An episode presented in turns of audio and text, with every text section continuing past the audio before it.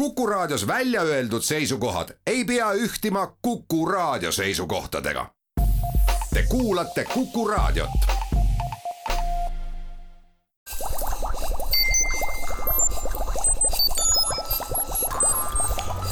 kukkuv õun. head kuulajad, Kukkuv Õun eetris täna olen külla kutsunud Keskkonnaõiguse Keskuse õiguseksperdi Kärt Vaarmari, mina olen saatejuht Marek Strandberg ja arutame ühe omapärase muutuse üle, mis on juba päris paljusid ehk umbes kahtekümmet Euroopa riiki tabanud ja ootab järjekorras muude riikide hulgas ka Eesti küsimus on nimelt kliimaseaduses. kliimaseaduses, mis peaks sätestama kõikvõimalikud aspektid, mis tänasel hetkel sätestamata ja neist asjadest, mida kliimaseadus endast kujutab ja mida ta ühiskonnale annab ja mida ta ühiskonnalt võtab, me ka Kärdiga räägime. Kärt, keskkonnaõiguse mõttes on kliimaseadus vist üsna tavatu. mida see kliimaseadus endas nendes riikides, kus tänasel hetkel kahekümnes või rohkemaski, ma täpselt ei tea seda tänast seisu,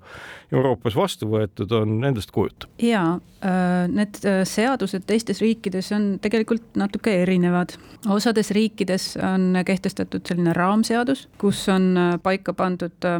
kliimaeesmärgid ehk kui palju tuleb mingiks ajaks kasvuhoonegaaside heitkoguseid vähendada. Äh, kes seda peab tegema, kuidas seda jälgitakse, äh, mis juhtub siis, kui selgub, et, et me ei ole trajektooril ja, ja muud sellised reeglid. Ja teistes riikides on see regulatsioon detailsem, et seal on siis palju mahukam ja on püütud näiteks ära reguleerida ka sellised üksikud valdkonnad juba või meetmed et äh, taastuvenergeetika, energiatõhusus, et need on kõik pandud ühte seadusesse. keskkonnaõiguse keskus äh, äh, on koostanud analüüsi, mm, kus me pigem vaatame kliimaseadust kui raamseadust et me oleme vaadanud pigem nende riikide poole, kus ta on raamseadus ja sellisel kujul võib näiteks, kas Saksamaa seaduse näitel olla ühes seaduses näiteks kümmekond paragrahvi, kus ongi hästi lühidalt öeldud, kui palju me mingiks aastaks peame vähendama kasvuhoonegaaside heitkoguseid ja kes seda peab tegema, kuidas seda jälgitakse ja kuidas avalikkus peab olema kaasatud kogu sellesse planeerimisse. mõtlen ühe asja peale, me oleme eh, liitunud Euroopa Liiduga, mis on selline ülimuslik paljude seaduste ja õiguste mõttes. noh, õigusfilosoofiliselt on ju kliima nii üldine asi, et iga riigi ere ei ole olemas ju selles mõttes nagu Eesti kliimat ja Läti kliimat ja mingeid muid selliseid asju, et see on nagu üsna üldmõistetav. nii Euroopa Liidu mõttes kui teistpidi ka kõikide nende riikide mõttes, kes kõikvõimalikel kliimakonverentsidel on, noh, ütleme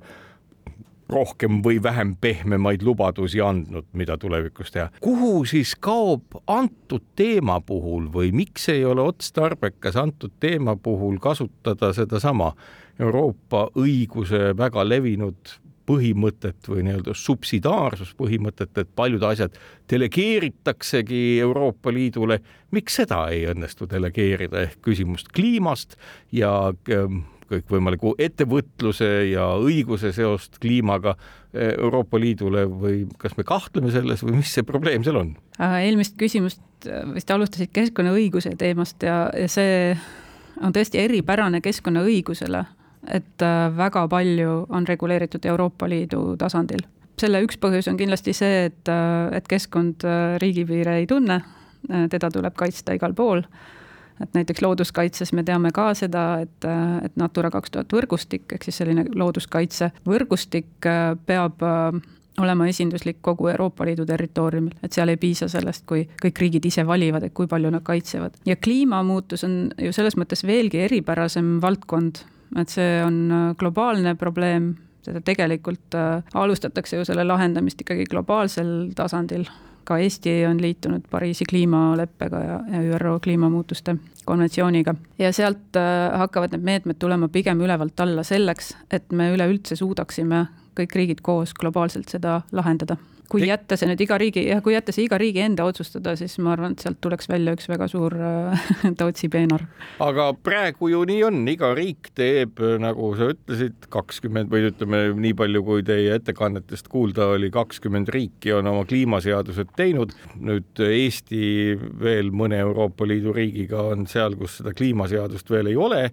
ja me üritame ka siis midagi teha, kellegi pealt üht või teist asja kopeerida, ma saan aru, et pigem nende käest, kellel on mingid raamseadustikud olemas ja ega seal ju ka mingit väga tõsist sellist äh, koostööd ei ole, et lihtsalt vaadatakse, mida üks või teine naaber teeb ja püütakse kohandada seda. mis sellest lõppkokkuvõttes välja peaks tulema? esiteks on äh, kliimamuutuse regulatsioon ähm, nii rahvusvahelisel kui Euroopa Liidu tasandil äh, koordineeritud. et äh, juba see eesmärk, see ühine eesmärk, mis tuleb meil Pariisi kliimaleppest, et me peaksime jääma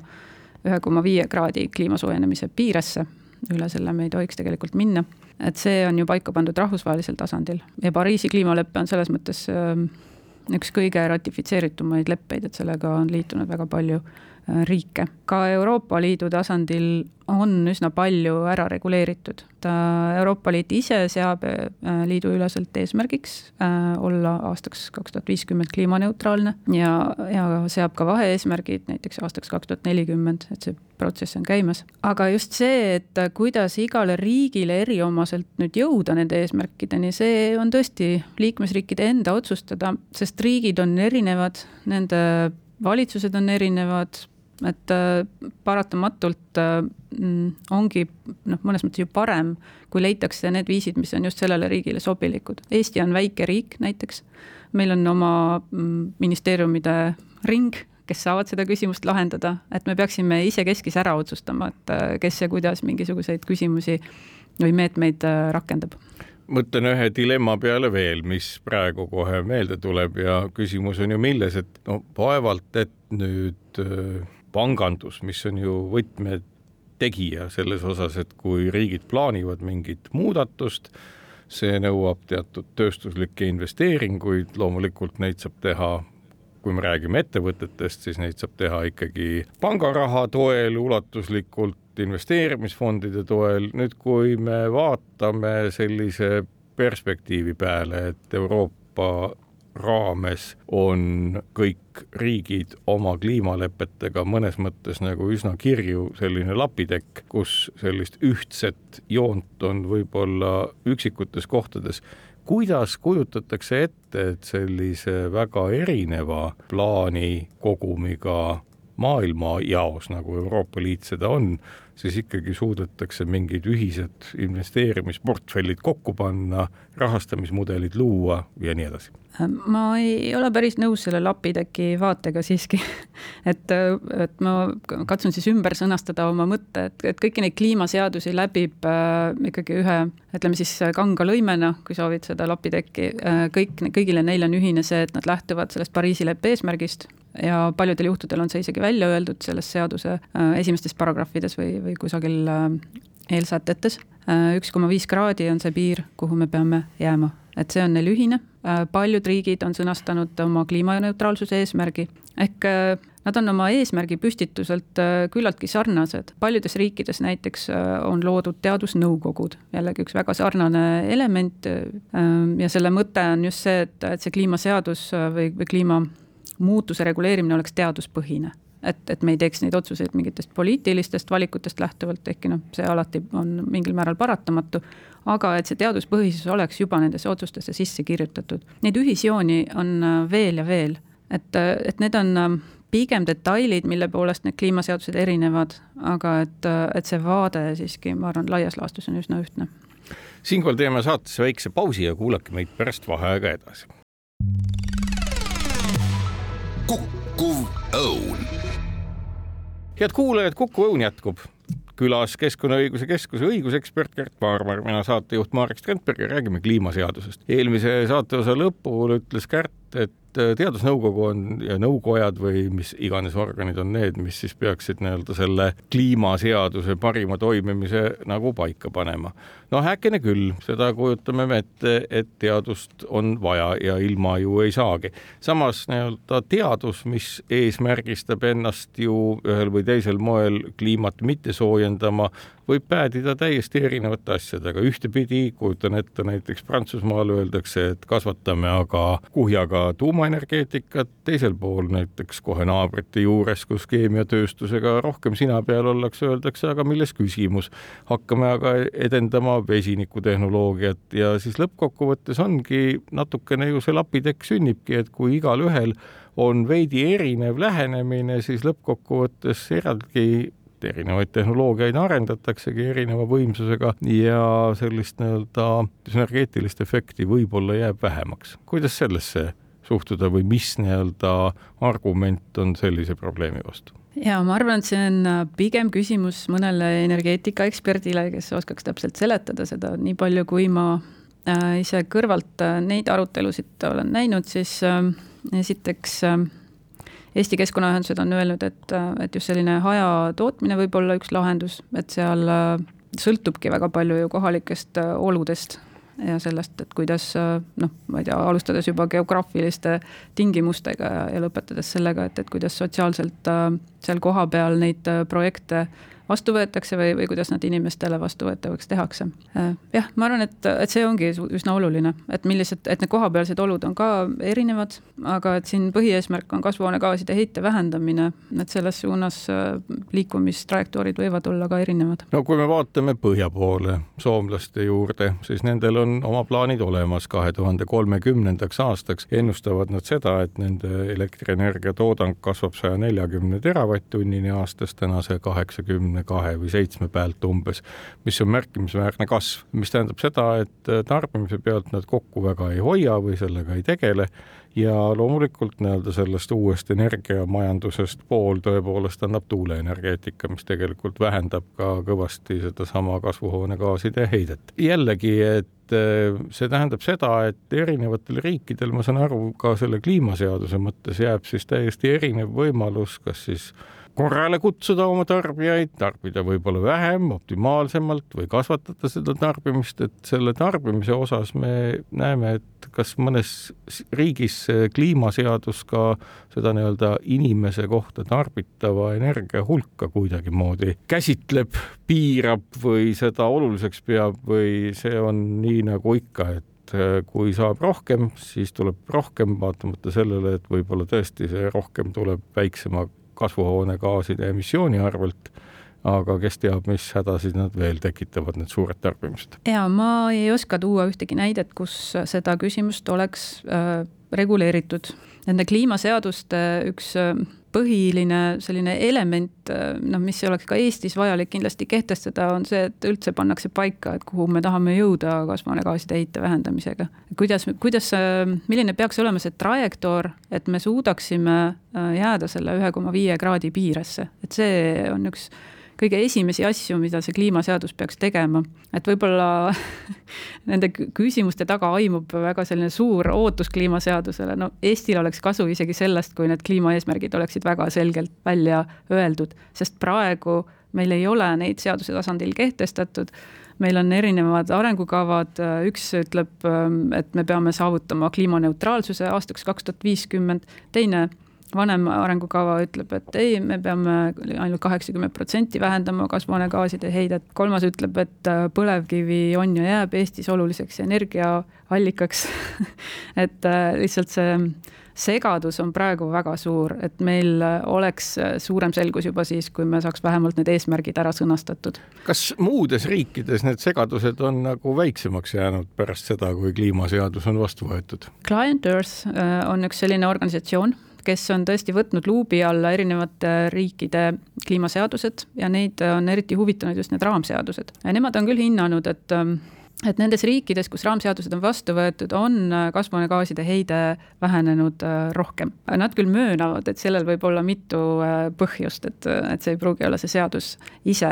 noh, võib-olla need riigid ongi edumeelsemad, võib-olla nad on suutnud, eks ju, olla ka mm, lisaks seadusele teha ka muid nii-öelda meetmeid rakendada. aga, aga kindlasti see positiivne efekt on inimeste õiguste kaitsega seoses, et nendes riikides, kus on kliimaseadus olemas, äh, on näiteks inimestel olnud näiteks Saksamaal võimalik äh, siis minna põhiseaduslikkuse järelevalve korras kohtusse ja nõuda, et äh, need eesmärgid oleksid piisavad ja, ja siis see annab nendele parema kaitse läbi kohtu. näiteks lihtsalt üks näide, et üldse ma ei, jah. ja ei, praegu ennem kui sind saatesse kutsusin, oli meil juttu natuke sellest teatud vastuolust, mida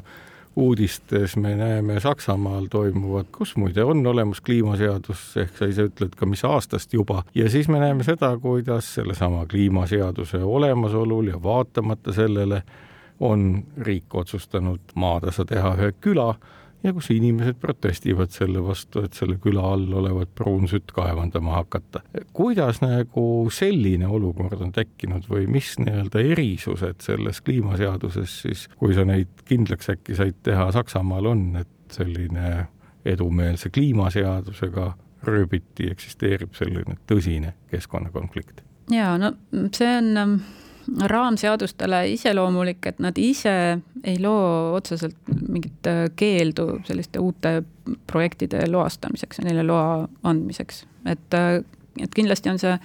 selles mõttes hea näide, et me ei peaks seda niimoodi üks-ühele üle võtma, seda süsteemi, me peaksime kindlasti ka vaatama, et äh, kuidas me Eestis suudame luua selliseid seoseid, et see seadus ka päriselt mõjus oleks aga kuna riikide seadused ongi erinevad, et siis äh, Eestis võivad need lahendused olla ka teised. et me oleme ise Keskkonnaõiguse Keskuse poolt välja pakkunud, äh, et näiteks meil kehtib keskkonnaseadustiku üldosa seadus, mis ütleb, et, äh, et tegevusele ei saa luba anda, kui sellega kaasneb keskkonnaoht ja ei ole alternatiive ja ei ole ka ülekaalukat avalikku huvi, et see on mm, vältimispõhimõte, mis on selles seaduses lahti kirjutatud, me ei tohi lubada keskkonnaohtu ja, ja meie arvates äh, see kliimamuutus on selge keskkonna oht, kui selgub mõju hindamise tulemusena näiteks, et mingil süsinikumahukal tegevusel on nii suur mõju, et see takistaks Eesti kliimaeesmärkide täitmist, et siis äh, peaks jätma selle loa andmata. kuidas nüüd on nende samade kliimamõjudega, sageli ju öeldakse, mis on jälle mitte minu arusaam, vaid mõne poole argument, et kuulge, et vaadake, kui suur on globaalne süsiniku emissioon ja vaadake, kui väike osa on sellel, siin ei olegi praktiliselt no, mõjuta mitte midagi, kui me natukene seda põlevkivi sinna katlasse tirtsutame ja põletame, et kuidas nagu nende aspektide mõistmisega on, et selles mõttes, et et inimese kohta on meil see mõju väga suur, võib-olla tõepoolest globaalsesse kliimasse miljon eestlast nii palju ei panusta kui miljard hiinlast, aga kuidas see defineeritakse, see mõju suurus? no mõju suurust me defineerime ikkagi selle järgi, kuidas äh, me ise oma riigis eesmärgid oleme seadnud ja kui palju see neid mõjutab. see, et iga riik peab pingutama maksimaalselt Äh, sellega me oleme olnud nõus siis, kui Eesti ühines Pariisi leppega. ehk et me oleme tegelikult sellega nõusse jäänud, ehk et enamus nendest argumentidest on põhimõtteliselt tühi koht või kuidas selle Pariisi leppega on, et kuidas selle rakendamine käib, et kas see on põhiseadusest ülimuslik või mis selle õiguslik nii-öelda vorm on? ja välisleping äh, kuulub ikka kohaldamisele muidugi tekib nende puhul see küsimus, et kas nad on piisavalt täpsed selleks, et neid nüüd päris otse kohaldada, aga sealt tulenevad sellised põhimõtted, millest me päris üle ei saa vaadata. et esiteks on äh, meil vaja jääda selle ühe koma viie kraadi piiresse globaalse soojenemise mõttes, kindlasti tuntavalt alla kahe kraadi, ütleb Pariisi lepe. see kohustus, et, äh, et riigid peavad maksimaalselt äh, pingutama, peavad välja selgitama, mis on nende seisukohalt kõige just nende nii-öelda maksimaalne pingutus, mida nad saavad teha ja siis nad peavad seda tegema, et sellest kohustusest me ka kuidagi ei, ei pääse. ehk et asjaolu on selline, et äh, vaatamata sellele, et me oleme igatepidi rõõmsalt nõus olnud, kindlasti on olemas nii-öelda ühiskonnas jõude, kes on lootnud, et no mis tühi see kliimaleping, et äkki saab kuidagi kõrvale nihverdada ja esitame mingeid andmeid natuke teistmoodi, ehk et see rong on nagu läinud, et põhimõtteliselt seesama kliimalepe on ikkagi õiguslikult nii tugev, et äh, vaatamata sellele, et vingerdamise soovi selle vältimiseks on olnud ajaloos siin lähiajaloos päris palju, et see lõppkokkuvõttes ikkagi ei õnnestu. ja osad kohustused tulenevad juba Euroopa Liidu tasandilt, et siis eks Euroopa Liit on see, kes otsustab, et kas me peame mingisuguse valdkonna eesmärkide saavutamata jätmise pärast äh, neid äh, trahve maksma. aga osad kohustused peavad kaitsma inimõigusi ja eks mõnes küsimuses selgub tõde äh, kohtus, et ka Eesti näiteks on Portugali noorte poolt äh, kaevatud inimõigusse kohtusse, kus just üheks argumendiks on see, et Eesti ei ole välja selgitanud, mis on tema maksimaalne pingutuse ulatus ja ei ole ka võtnud meetmeid selles suunas. mis äh, seisus see kohtuasi on? See on pooleli meie teada, et seal on vahetatud erinevaid seisukohti, aga ei ole veel jõudnud lõpplahendini Äh, millal see alguse sai ja millal me lõppu ootame ja mis tagajärjed sellest Eestile olla võiksid? ja siin ma jään vastuse võlgu, et, et seda ennustada, mida inimõiguste kohus ütleb, see on üsna tänamatu töö, aga põnev saab see kindlasti olema, et midagi olulist sealt kindlasti tuleb. kes Eesti poolt kohut käib? Äh, minu teada on see Keskkonnaministeerium, aga võin ka eksida muidugi. nii et sellel tasub silma peal hoida? absoluutselt ka Siin... teistel äh, kliimavaidlustel ja mis Euroopas on käimas, et, et sealt on tulnud väga olulisi lahendeid, ma arvan, mille, millest Eestil tasuks õppust võtta. siinkohal teeme saatesse ka väikse pausi ja kuulake meid pärast vaheaega edasi.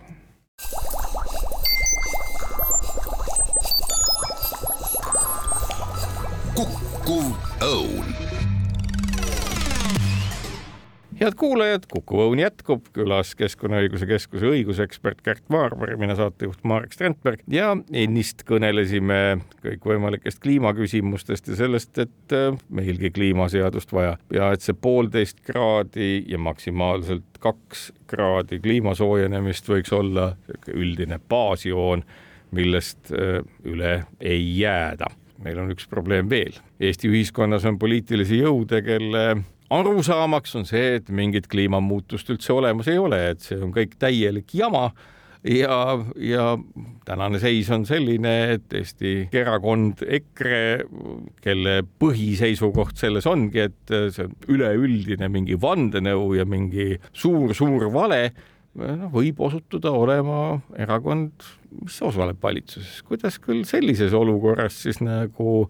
selgeks teha, kui nende baasveendumus ütleb üldse, et sellist asja nagu kliima soojenemine polegi olemas, millega inimene tegeleda saaks. kas siis tähendab see seda, et meil jääb kliimaseadus saamata? no selleks, et seda ennustada jällegi peaksin hiromant olema, mina hiromant ei ole. et ega see kliimaseaduse vajadus, ta ei ole asi iseenesest, teda on vaja selleks, et, et tagada põhiõiguste kaitse ja, ja seda võib-olla kahel väga olulisel suunal, et üks on see ettevõtjate pool millele nüüd ka õiguskantsler on tähelepanu juhtinud, et ettevõtjatel oleks kindlus, investeerimiskeskkond oleks selge ja nad teaksid, et mis ajani, kuidas nad saavad oma tegevusi plaanida. ja teine pool, mida ei saa ka kuidagi ära unustada, on see, et kliimamuutus mõjutab meid kõiki ja Saksa konstitutsioonikohus äh, aastal kaks tuhat kakskümmend üks just lahendas seda küsimust, et kas Saksamaal äh, olid äh, seatud kliimaseaduses piisavalt täpselt need kliimaeesmärgid ja jõudis järeldusele, et kuna suurem osa või suurem koorem ähm, kasvuhoonegaaside heite vähendamisest oli jäetud äh, kahe tuhande kolmekümnenda aasta järgsesse aega, et siis ähm, see paneb äh, tulevasele põlvkonnale ebaproportsionaalselt suure koormuse. ehk et meie siin saame veel enam-vähem äh, hakkama, no meil juhtub asju, võib-olla mõnikord on elekter ära, aga sellel tulevasel põlvkonnal läheb elu väga keeruliseks, et nende vajadus vähendada kasvuhoonegaaside heidet saab olema nii suur, et nende igapäevaelu saab juba päris oluliselt mõjutatud. ja Kas... see äh, ja Saksa kohus luges, et see on põhiõiguste riive ja see tuleb meil ka kuidagi ära lahendada, et see seadus on vajalik ka selleks. kas see on seesama kontekst, mida ju väga paljud noored ütlevad, et teate, et me oleme täna sellises olukorras, et tulevik näib meile niivõrd tume ja ebaselge teie vanemate põlvede tehtuna et me nagu ei julgegi mõelda selle peale, et meil võiks olla lapsed ja me nagu isegi ei taha, et lapsed sündiksid olukorda, kus nende vastutus ühiskonna eest on sedavõrd suur. kas see konflikt ongi selline väärtuskonflikt põlvkondade vahel, et äh, vanemad põlvkonnad ei pruugi päris täpselt aru saada, mida see väärtuskonflikt tähendab, kuigi noored saavad sellest aina selgemalt aru? ja ma ei oskagi öelda, kas see on nüüd väärtuskonflikt, et, et minu jaoks ka see on juba täiesti praktiline küsimus, et, et see on piisava kindlusega ettenähtav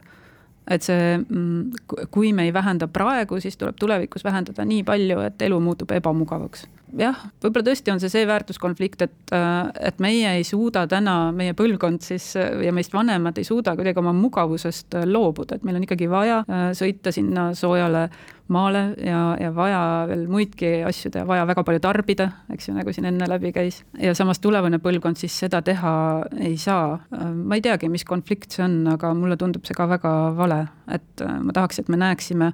oma lapsi ka inimestena ja, ja seda tulevast põlvkonda ja arvestaksime nende õigustega. mis tähendabki seda, et mida aeg edasi lükata, muutused majanduses, mida rohkem rõhuda selle peale, et no pagan, meil on ju voolu vaja, et noh, see põlevkivi värk, see tuleb nii lihtsalt kätte, et teeme seda, et see kõik nagu tähendab seda, et äh, inflatsioon, mis muudab raha väärtusetuks paratamatul moel, ja teatav selline surve inflatsiooni mõttes on isegi võib-olla hea majandusele, tähendab seda, et äh, mida hiljemaks lükata seesama rohepööre või tööstuse muutus või revolutsioon, nagu seda nimetatakse, seda kallimaks ta läheb äh, lõppkokkuvõttes kõigi jaoks. absoluutselt kui edasi arutada nende asjade üle, siis seesama õiguskindlus, et noh, ettevõtted ju äh, loomulikult tahavad saada õiguskindlat keskkonda ja mida kõike veel. Ja väga paljudki ütlevad, oo jaa, loomulikult meil on selle õiguskindluse jaoks ju vajagi, et oleks nagu, nagu kliimaseadus, aga kas ma adun õigesti, et ettevõtja jaoks ja noh, nii-öelda inimõiguste ja võrdse kohtlemise eest hea seisva juristi jaoks on need õiguskindlused veidi erinevad. ja kas ma saan nagu aru, et väga paljud ettevõtted peavad silmas, kui nad ütlevad, ja loomulikult me oleme kliimaseaduse poolt, pigem seda, et nad tahavad enda jaoks tekitada sellist garanteeritult pikka pidu näiteks fossiilkütuste kasutamisel või tooraine kasutamisel. Ja samas see kliimaseadus, kujutan ma ette, mida sa ka mainisid, on see, et kui selle trajektoor ei ole ikka õige et siis tuleb eesmärke ja põhimõtteid muuta ja see tekitab ettevõtetele hirmu, et sellist kliimaseadust ettevõtja vist ei tahaks, kes tänasel päeval näiteks sellest samast fossiilsest toormast ju oma tulu saab. jaa, äh, see on äh, isegi minu juristi pea jaoks äh, ongi väga keeruline probleem, et, et ühest küljest õigusriigi põhimõtted peavad kehtima ja õiguskindlus peab olema ja teisest küljest äh, meil tuleb kuidagi ära lahendada see, see pealetulev äh, ja juba käesolev kliimakriis. et kus see tasakaal on, no ilmselt see on siin lähiaasta läbirääkimiste ja, ja vaidluste küsimus. aga tõesti, see kliimateema on niivõrd eriline, et äh, noh, lihtsalt mõni näide, et ähm, et alles paar päeva tagasi selgus, et Eesti metsanduse ja maakasutuse sektor, mida äh, siiamaani arvati, et vähemalt aastani kaks tuhat kakskümmend ta veel sidus süsinikku, siis nüüd selgub, et juba aastal kaks tuhat seitseteist ta enam ei sidunud, vaid juba heitis. Ja, ja seda sektorit on meil loetud väga oluliseks selleks, et me saaks tasakaalustada, eks ju, oma fossiilkütuste sektorist heidetavat süsinikku, et noh, äh, meil ei ole enam seda sidujat ja niimoodi ei tule Eesti kindlasti oma eesmärkide täitmisega toime ehk et me oleme üks... paratamatult selles olukorras, kus õigus on hakanud oluliselt äh, täpsemalt ja kogu administratiivsüsteem globaalselt ka Euroopa Liidus vaatama seda, millised on sidumised ja emissioonid ja asi, mida me kogu aeg oleme pidanud, ah, see seob niikuinii,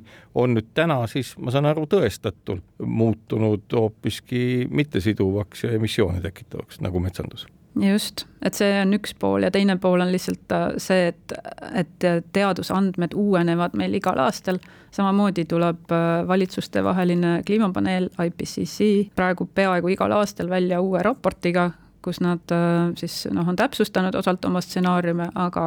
mõnikord ja tavaliselt neil on ka uusi andmeid selle kohta, et mida siis see kliimakriis kaasa toob või kui ruttu on vaja tegutseda. kui see ruttu hinnang on muidugi antud siin juba üsna äh,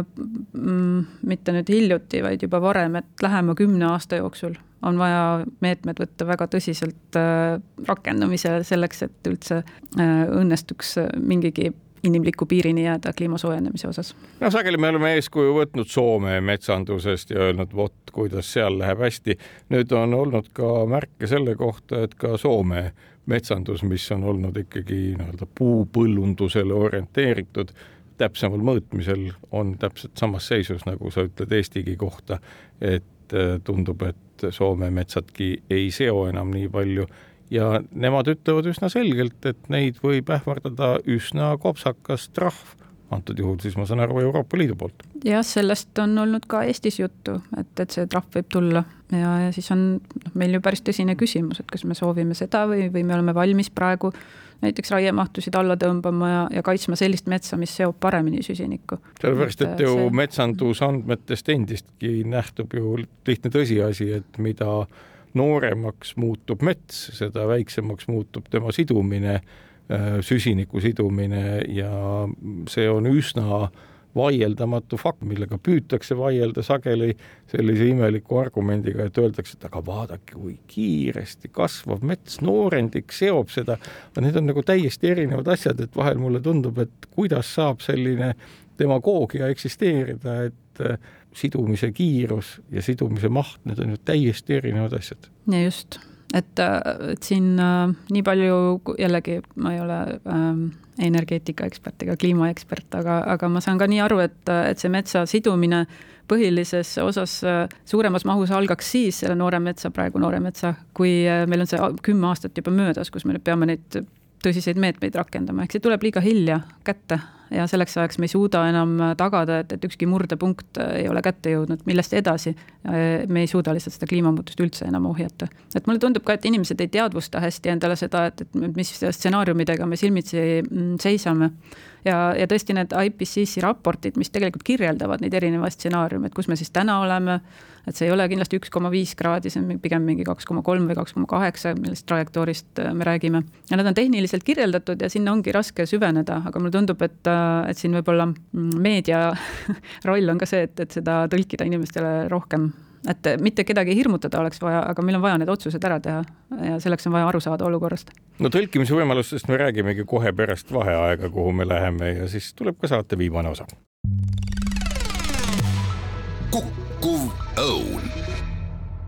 Head kuulajad, Kukkuv õun jätkub. külas meil Keskkonnaõiguse Keskuse õigusekspert Gert Maarmar, mina saatejuht Marek Strandberg ja äh, see, millega sa eelmise osa lõpetasid, üsna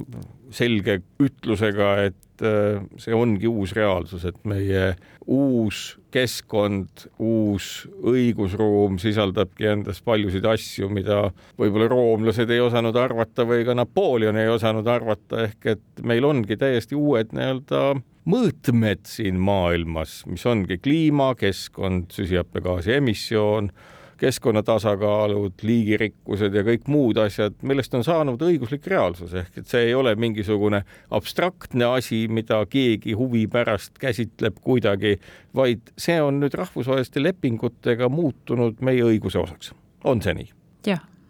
kuigi Eestis võiks seda veel oluliselt täpsustada, sest noh, meil tõsiseltvõetav kliimaalane regulatsioon hetkel ikkagi puudub. Aga laias laastus on nii, et mida rohkem, kui ma nüüd adun, et mida rohkem riike, mis on suuremad, kellest me moel või teisel rohkem sõltume, selle keskkonnamõõtmete aspekti võtavad endale õiguslikult oluliseks, seda rohkem vaatavad nad ka selliste nii-öelda nihverdajate peale, kes üritavad noh, kuidagimoodi sealt kõrvale viilida, nii nagu Eesti on seda juba pikemat aega teinud ja muutuvad selliseks korralekutsujaks, et kuulge ja näpuviibutajaks, et nii vist ikka edasi ei saa. ehk et me liigume üsna möödapääsmatu kiiruse ja inertsiga nagu kohta, kus meil endilgi ei ole pärast väga mugav olla. Jaa, kindlasti, et no ega me seda kliimaseadusest me ei räägi selleks, et juristidele tööd juurde anda või lihtsalt, et igav on, et, et me ikka räägime sellepärast, et äh, on probleem, mida on vaja päriselt ära lahendada, muidu lähebki meil kõigil ebamugavaks ja ebamugavaks just nimelt selle, ma püüangi nagu aru saada, et äh, kas sellest tõesti hetkel enam aru ei saada või on niivõrd raske seda, et kui kakskümmend riiki Euroopa Liidus, kelle hulgas on ju noh, ma ei tea, Euroopa Liidu peamised rikkuse tekitajad on juba aru saanud, et ilma selliste seadusteta ei saa, et mis võiks olla see lootus, millega me püüame nagu end hoida eemal nendest nii-öelda olulistest muutustest, et, et mis see võidulootus on, et kas veel teenida mingisugune hulk nii-öelda kasvikut kapitalile või, või, või ma ei suudagi isegi ette kujutada, et mille peale nagu Eestis loodetakse, et mitte olla esimeste hulgas, keda me enam ei ole, sellise kliimaseaduse ja regulatsiooni vastuvõtmisel. ja raske öelda, et ega ei ole mina ka inimhingede insener, olen lihtsalt äh, jurist ja õigusekspert, et õiguslikus mõttes äh, ma usun, see kliimaseadus äh, mingil kujul siiski tuleb juba sellepärast, et, et meil on teisiti raske neid Euroopa Liidu ees võetud kohustusi täita ja nendest no ministeeriumid siiski oma igapäevatöös peavad üsna kinni. aga no. küsimus ongi selles, et, et kuna meil on selle seadusega kiire, meil on jah, mida rohkem me oleme venitanud või noh, ütleme, et just sellepärast, et me oleme venitanud, on meil sellega üha kiirem ja nüüd on küsimus, et kas sellise kiirusega saab teha ühte head seadust, et siin ma arvan, tekib äh, selline valikukoht, et kas me tahame kõik äh, absoluutselt viimse detailini selle seadusega nüüd ära lahendada ja sellisel juhul võtab see seaduse tegemine ise kümme aastat. Või me lepime alguses äh, äh, sellise seadusega, kus on põhipunktid paigas ja me täpsustame neid hiljem, aga me alguses siis vähemalt kõige olulisema ikkagi saame seaduse tasandil kirja panna praegu mõtlen selle peale, et ega ju Eestis on, no ma ei tea, tagasihoidlikult paarkümmend aastat kõneletud sellest, et meil oleks võimalus, vajadus, kohustus ja mis kõik veel, võimalikult ruttu rakendada erinevad meetmed, õigusaktid, majandamise põhimõtted, mis keskkonnaga arvestaksid. sageli on öeldud selle peale, kuulge, me ei saa ju muust maailmast äh, eralduda, me ei saa eest ära joosta nüüd kuidagi on juhtunud niimoodi, et muu maailm on meist näiteks nende samade kliimaseadustega šiuh, mööda läinud ühtäkki väga kiiresti. kuidas on see juhtunud, et nagu riiklik õigussüsteem ja ma ei oska öelda, kes iganes on kuidagi nagu maha maganud. kakskümmend riiki, kakskümmend riiki Euroopas on selle kliimaseaduse vastu võtnud, kahekümnes riigis Euroopas on saanud nii-öelda tööstusrevolutsioon hoopis teise hingamise ja nüüd me oleme ju reaalselt mitte eestkõndijad ja noh, nii-öelda põhimõtte loojad, vaid tegelikult ju moel või teisel, nagu sa just ütlesid, järelsörkijad, kellel nii-öelda võhma on aina vähem, aega on aina vähem ja kuidagi ülejala tuleb see nii-öelda puuduolev distants läbida, see on keeruline. keeruline, eks meil ole oma eripära siin teada, eks, et mis see on, see on, see on põlevkivi. et ega sellest, et sellega on vaja tegeleda ja sellest äh, sõltuvusest on vaja väljuda, on ju räägitud üsna pikalt. sellest on räägitud üsna pikalt, aga ma ei mäleta kordagi, et oleks nagu tähelepanu juhitud sellele, et kuulge, õigusraamistik mujal muutub nii kiiresti ja õigusraamistik kehtestab hoopis teistsugused põhimõtted, et kui meie nüüd seda ei tee, siis me olemegi üksi, mitte üksi selles mõttes, et äh, väga rikkad ja õnn, õnnelikud, vaid vastupidi, üksi selles mõttes, et tohutute kulude ja vastutusega seotud. et mingil hetkel on see, on see nagu üllatuslikul moel maha magatud. jah ei oska seda kuidagi äh, kommenteerida, et ma arvan, et keskkonnaühendused on, on üsna järjepidevalt hoidnud kätt sellel pulsil ja juhtinud üsna järjepidevalt tähelepanu sellele. see vastab murele. tõele, sellega ja. ei saa kuidagi vaielda, et seda on tehtud, aga kogu aeg on olnud mingisugune selline puine vastuargument, äh, nii palju kui mina neid mäletan. ja nüüd on ühtäkki siis tekkinud olukord, kus ühtegi vastuargumenti ei ole, et pigem me jääme sellisesse nii-öelda järeljooksja seisu reaalselt ja, võttes no., kui sa, kui sa juristina hindad, no ütled, et kümne aastaga saaks hea seaduse, no ma saan aru, et tõepoolest võiks see nii olla, siis äh, kui kiiresti saaks Eesti rahuldava seaduse, kui sellest põhiprobleemist tänasel hetkel aru saadaks, et me oleme juba sellest klubist välja jäämas? ja no siin on äh, see sõltub väga paljudest äh, faktoritest ja ma arvan, et kui kõik äh, ennast kokku võtaksid ja, ja, ja, ja teha seda läbi selliste protsesside, mis on äh, kaasavad ja tõesti võimaldavad dialoogi ja, ja samas kellelegi ei võimaldata teistest üle sõita, et siis no see, ega see pikem aeg ei saa olla kui selline aasta-poolteist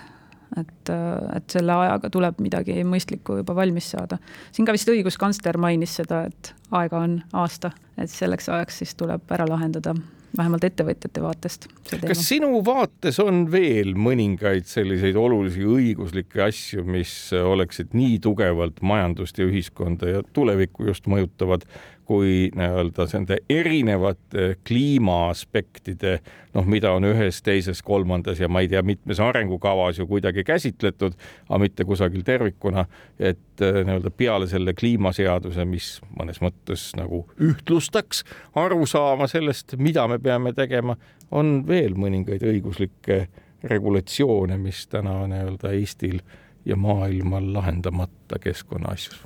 kahtlemata, et, et teine suurem kriis või väljakutse on meil elurikkuse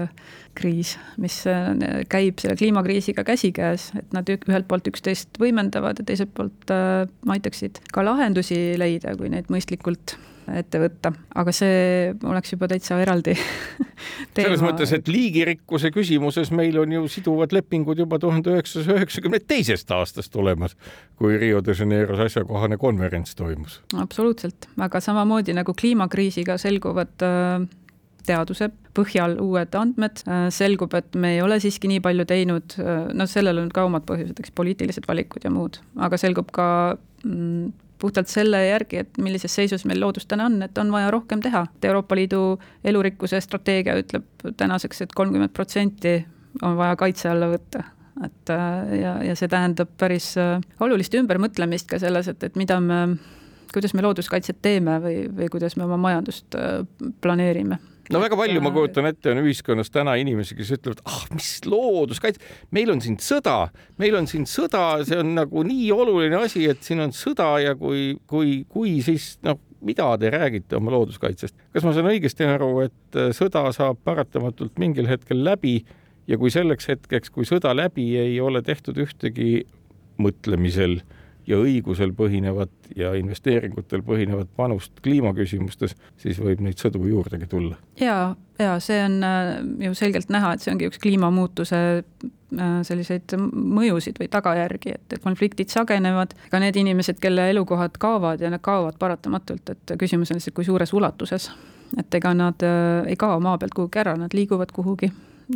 tekib ressursside pärast võitlus ja, ja kõik muu selline et see on kõik äh, teaduslikult äh, nendes kliimapaneeli raportites ju tegelikult lahti kirjutatud. et äh, nüüd ongi küsimus, et kas me näeme seda, kas me tahame sellele mõelda või me paneme lihtsalt silmad kinni. et praegu meil on võimalik veel võtta neid meetmeid ja midagi ette võtta. aitäh, Kärt Varvari, Keskkonnaõiguse Keskuse õigusekspert, et said tulla Kuku Õuna saatesse lahti rääkima, mida tähendab kliimaseadus ja mida me kahjuks oleme väga pikka aega maha maganud ja ignoreerinud Kuku Õuna saade jälle täpselt nädala pärast ja kaunist päeva teile.